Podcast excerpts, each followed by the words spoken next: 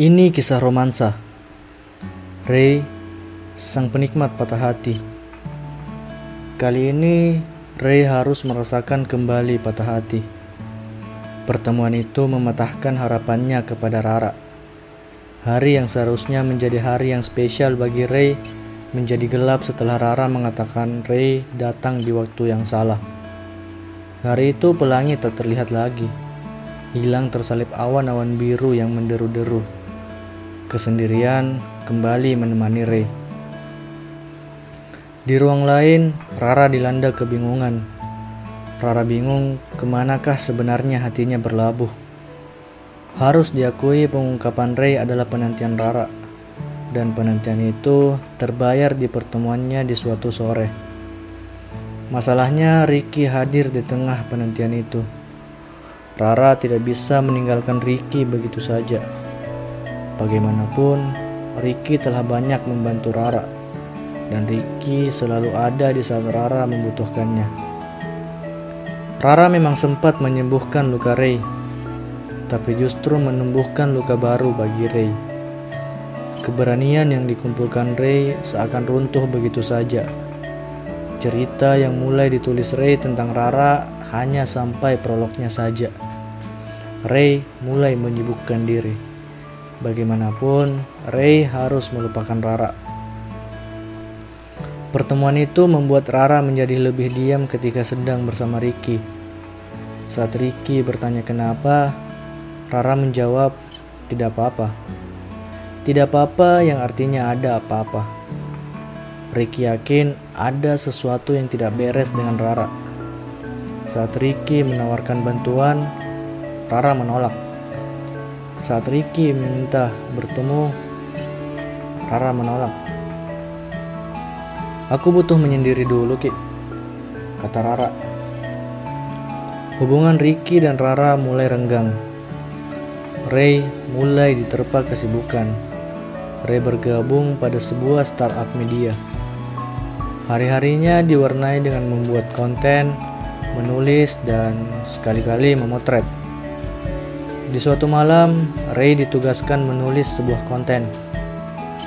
Ray akan menulis sambil menyeruput kopi di sebuah kafe favoritnya. Baru saja Ray membuka pintu kafe, Ray melihat Rara duduk sendiri di sebuah meja. Ray menghampiri Rara. Rara, hai Ray. Kamu kenapa di sini? Bareng siapa? Teman, pacar? Sendiri Ray. Ngapain di sini, Ra? Aku sepertinya salah, Ray. Aku kira pertemuan itu akan menjadi pertemuan terakhir kita. Nyatanya pertemuan itu justru memicu pertemuan berikutnya.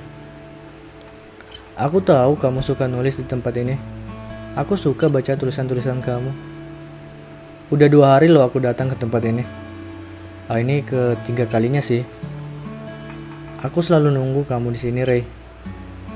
Tadinya sih kalau kamu nggak datang hari ini, ya besoknya aku nggak datang lagi. Eh, taunya kamu datang.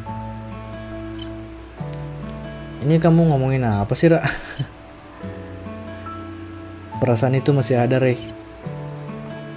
Perasaan aku ke kamu masih ada, Ray. Awal-awal perasaan itu muncul.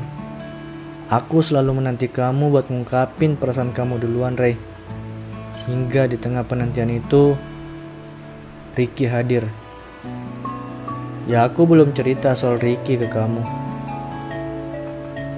Tapi bersama Ricky, ternyata penantian itu masih ada. Hingga akhirnya sore itu kamu ungkapin dan penantian itu terbayar. Tapi saat itu Ricky sudah sama aku. Dan Ricky selalu ada saat aku butuhin. Awalnya aku percaya yang spesial akan kalah dengan yang selalu ada. Masalahnya yang spesial itu cinta pertama aku dan cinta pertama akan selalu membekas Ray. Keputusan kamu saat itu sudah benar, Ra.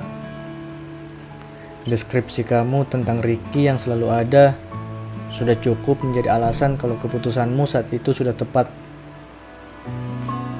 Kita tidak bisa bersama Ra di tengah hubungan kamu dan Ricky. Dan aku pengen kamu jangan pernah ninggalin Ricky. Cukup patah hati dari kamu buat aku aja. Karena untuk mengungkapkan cinta yang tulus itu tidak mudah, Ra. Dan Ricky sudah berani melakukan itu. Biarkan kebersamaan kita hanya menjadi kenangan, Ra. Kalimat itu menjadi kalimat terakhir sebelum akhirnya Ray dan Rara berpisah. Rara meninggalkan kafe itu dan Ray melanjutkan tulisan yang ingin diselesaikannya. Ray bisa saja mendapatkan kembali hati Rara, tapi Ray tahu persis perasaan Ricky jika hal itu terjadi. Bagaimana dengan Rara? Rara merasa perkataan Ray ada benarnya.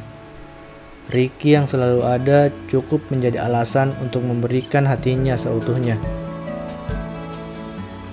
Rara dan Ricky akhirnya melanjutkan hubungannya, dan Ray akan mencoba peruntungannya mencari cinta sejati.